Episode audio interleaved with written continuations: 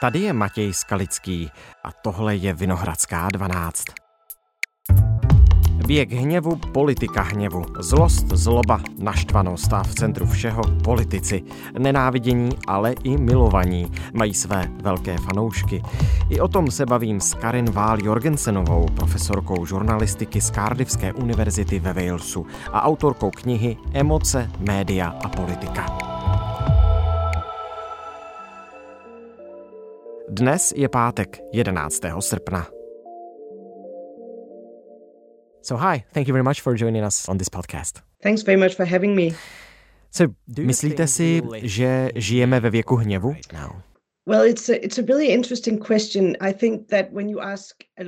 To je opravdu zajímavá otázka. Myslím, že pokud byste se zeptal spousty různých pozorovatelů, řekli by, je toho opravdu hodně, kvůli čemu můžeme být teď naštvaní. Já ale se kloním k tomu názoru, že to tak bylo pravděpodobně vždycky. Myslím si, že jen žijeme v době, kdy je mnohem přijatelnější dávat svůj hněv veřejně najevo. Existuje proto několik různých důvodů a jedním z nich je právě to, že je to ve společnosti obecně přípustnější a tolerovanější, že sdílíte své emoce. Je to něco, co už se děje poměrně dlouhou dobu. V posledních desetiletích jsme ale také svědky boomu sociálních sítí, které zejména zvlášť z naštvanosti dělají daleko významnější a daleko častěji sdílenou emoci. A to je zase něco, co se přelévá do obsahu mainstreamových médií. Takže bych řekla, že žijeme ve věku, kdy se stalo vyjadřování hněvu daleko přijatelnější než dřív has become much more acceptable than it was before. Mm-hmm. A myslíte si, že je to přijatelnější i u politiků? Jako rozlobit se? Myslím, že politici určitě vyjadřují své naštvání na veřejnosti daleko častěji než dřív. Řekla bych, že historicky existoval pro veřejně známé osobnosti něco jako zákaz projevování negativních emocí. Dávat najevo svůj hněv bylo vnímáno skoro jako něco nezákonného nebo nepovoleného. U některých politiků jsme ale byli svědky určitého posunu. Mám na mysli zejména populistické politiky, kteří přišli na to, že zlost je politicky opravdu velice účinnou emocí.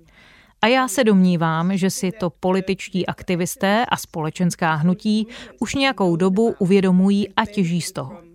Myslím si, že hněv byl od jak živa velice užitečný pro lidi na okraji společnosti. Sotva byl ale přijatelný pro mainstreamové politiky.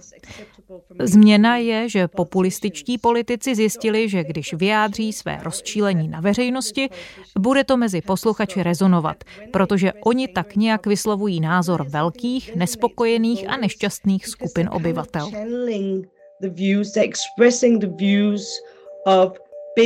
Disaffected, unhappy populations in society.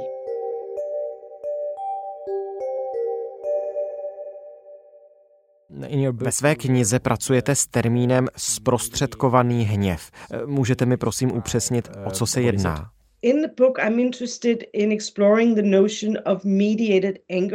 Určitě. Já se v mé knize zabývám výzkumem projevů zprostředkovaného hněvu jako něčeho, co je zcela odlišné od druhu zlosti, kterou cítíme jako jednotlivci. Když vidíme, jak hněv pokrývají média, je to něco velmi zvláštního. Myslím, že to je v mnoha ohledech charakteristické. Za prvé, není to něco, co by k nám přišlo bez úprav. Přijímáme to, jak já říkám, konstruované prostřednictvím reportáže, je to převyprávěné od novinářů. Oni sami jistým způsobem vypráví příběhy o hněvu, dávají jim význam a dělají je potenciálně ideologickými. A za druhé, taky si myslím, že když nám hněv zprostředkovávají média, je ten hněv performativní. Co tím myslím? Když vidíme v médiích naštvané lidi, ať už jsou to nějací protestující nebo třeba prezidenti, svůj hněv prezentují svědomím, že je na ně upírána pozornost veřejnosti. Tohle uvědomění pak velmi pravděpodobně formuje způsob, jak své rozhorčení vyjadřují. A konečně jak ukázal můj vlastní výzkum, v naprosté většině případů, pokud vidíte hněv prezentovaný v médiích, nebývá to zlost jednotlivců. Když je totiž naštvaný jeden, není to tak úplně zajímavé pro masová média. Jinak je tomu pouze v případech, kdy jde o jednotlivce, který je pro média atraktivní sám o sobě, třeba Donald Trump. Jinými slovy, zprostředkovaný hněv se často týká kolektivního naštvání. Jde například o hněv lékařů, kteří nejsou dostatečně dobře placení, nebo o hněv uprchlíků, kteří jsou rozhorčení tím, jak se k ním chová nějaká konkrétní vláda. Jde o zlost skupin lidí, které pocitují nějakou nespravedlnost. To znamená, že v naprosté většině případů je zprostředkovaný hněv potenciálně politický, protože je kolektivní. Yeah.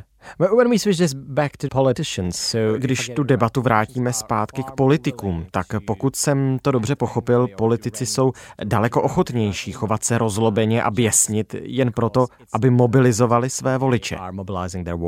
Well, so I think um, that Myslím, že jde částečně právě o to, že veřejné projevování emocí je daleko přípustnější. Hlavně veřejné projevy hněvu jsou dnes mnohem víc přijatelné. Podstatné je ale podle mě to, že zejména populističtí politici přišli na to, že jejich veřejné projevy naštvání jsou způsobem, jak zprostředkovat emoce veřejnosti. Takže oni v podstatě tlumočí nějaké pocity nespokojenosti lidí, voličů, jimž věci, které je štvou, prostě leží na srdci. Skutečně se tedy ukazuje, že pro politiky z řad populistů jde o opravdu účinný způsob, jak si získat pozornost potenciálních voličů.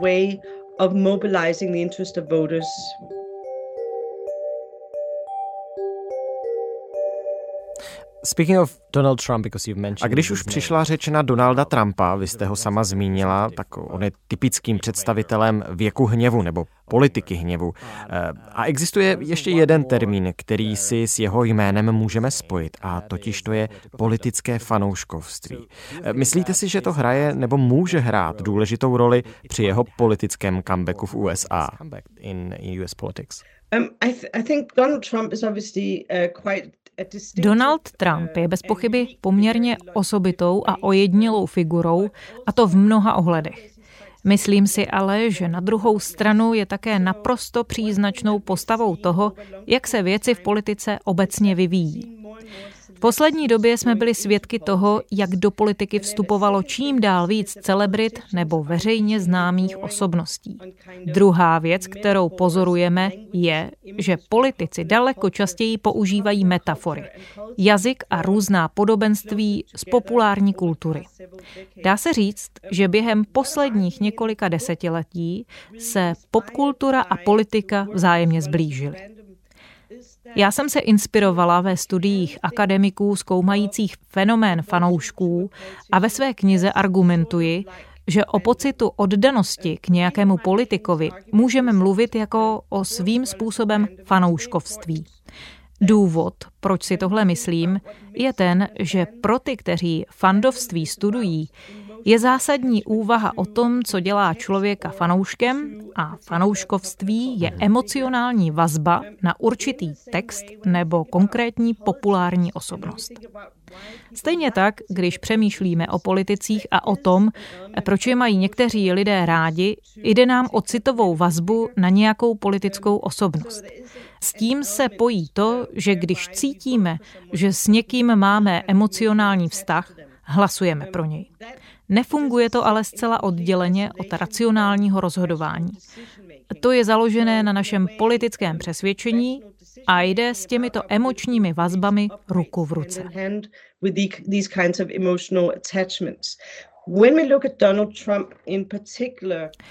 Když se podíváme konkrétně na Donalda Trumpa, Jde tu podle mě částečně o to, že je to osobnost, která pochází z jakéhosi okruhu celebrit. Jedná se tedy o někoho, koho okamžitě poznáte a s kým je spojená určitá značka. Zároveň je ale taky politikem, ke kterému mají jeho voliči bez pochyby velice silný citový vztah. To ilustruje skutečnost, že někteří lidé Trumpovi následovníky ve vztahu k němu popisují skoro jako určitý druh sekty. Takže ano, myslím si, že politický ohlas, který Donald Trump vyvolává, je možné popsat termíny spojenými s fanouškovstvím.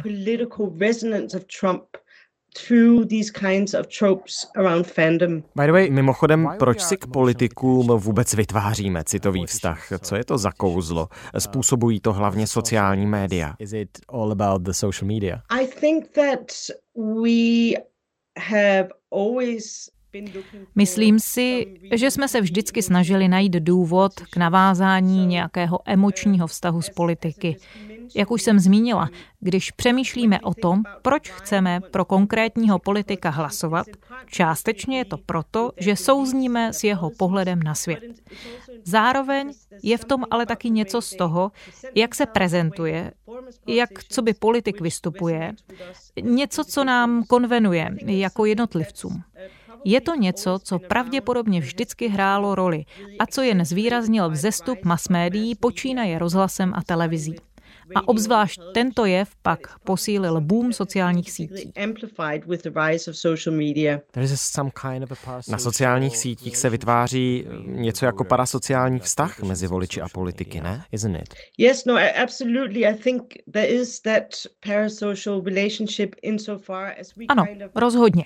Myslím si, že jde o takový parasociální vztah, kdy si do politických vůdců promítáme určité vlastnosti Upínáme se na ně, na jejich životy a povahové rysy.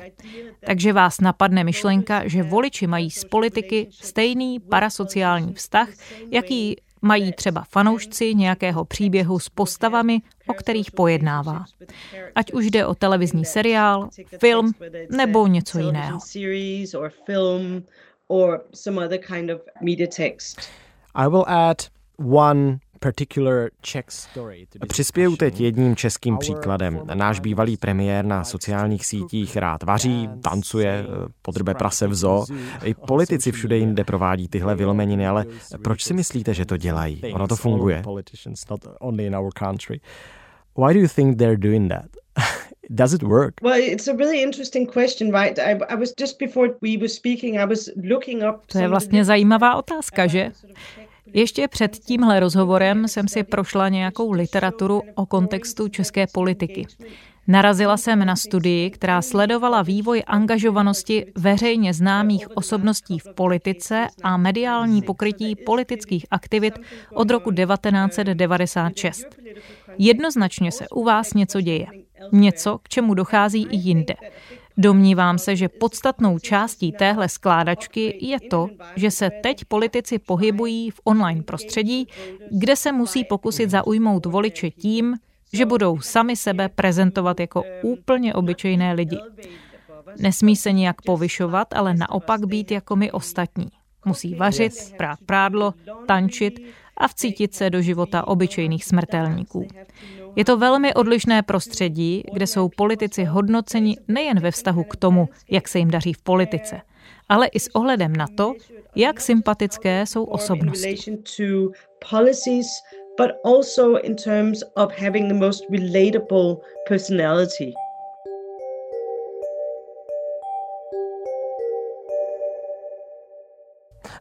Když jsme mluvili o performativním hněvu, tak není tohle zase jen performance? Je to uvěřitelné, autentické? Well, I think that Myslím, že jsme svědky nějakého vzorce, podle kterého je takřka podmínkou, aby politici dovedli autenticky projevovat své emoce. Takže nejúspěšnější politici současnosti jsou právě ti, kteří své pocity dávají najevo. Ať už jde o emoce pozitivní nebo negativní. A dovedou to dělat tak, aby to působilo autenticky. One of the figures I'm thinking about, for example, is Vladimir Zelensky. Yes. Jedním z těch, kteří mě teď napadli, je Volodymyr Zelenský, který samozřejmě jakožto původním povoláním herec rozumí tomu, jaké záludnosti skrývá performance. Ale paradoxně právě proto, že má za sebou ten herecký background, dovede sám působit autenticky. Takže on pořád pracuje s pozitivními i negativními emocemi způsobem, který přirozeně kopíruje nějaké politické cíle. V jeho případě jde samozřejmě o záchranu Ukrajiny všemi dostupnými prostředky.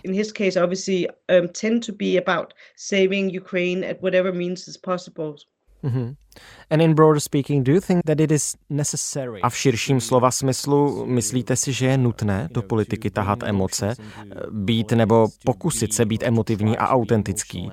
A že to bude potřeba i do budoucna z hlediska toho, že jen ten, kdo bude projevovat emoce, tak v politice přežije a ostatní z ní zmizí.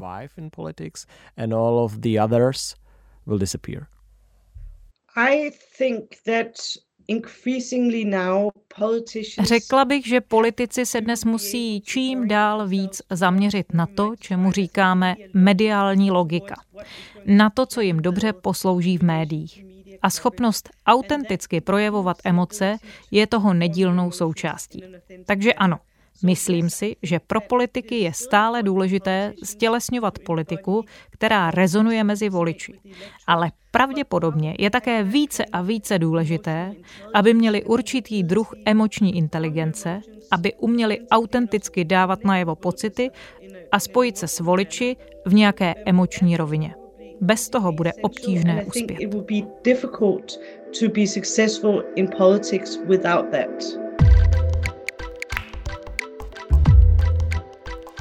Okay.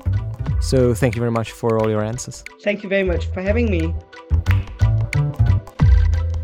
Tohle je už všechno z Vinohradské 12, z pravodajského podcastu Českého rozhlasu. Dnes s Karin Vál Jorgensenovou, profesorkou žurnalistiky z Cardiffské univerzity ve Walesu. Probrali jsme spolu emoce v politice, politiku hněvu a fanouškovství. To je moje oblíbené téma. Karin k němu má pár kapitol ve své knize Emotions, Media and Politics. Tak kdybyste scháněli něco na čtení na dovolenou a baví vás politika, tak vřele doporučuji. Překlad této epizody zajistila Zuzka Marková a dubbing Šárka Feniková. V anglickém originále uvedeme tento díl v neděli, děláme to tak obvykle s většinou našich překládaných epizod a příští týden se pak od mikrofonu ozve editorka Žaneta Němcová, vybrala pár témat, která ji zaujala, pozvala si několik hostů a vzniklo z toho pět zajímavých rozhovorů. Já se těším zase ve druhé půlce srpna. Mějte se hezky. Naslyšenou příště.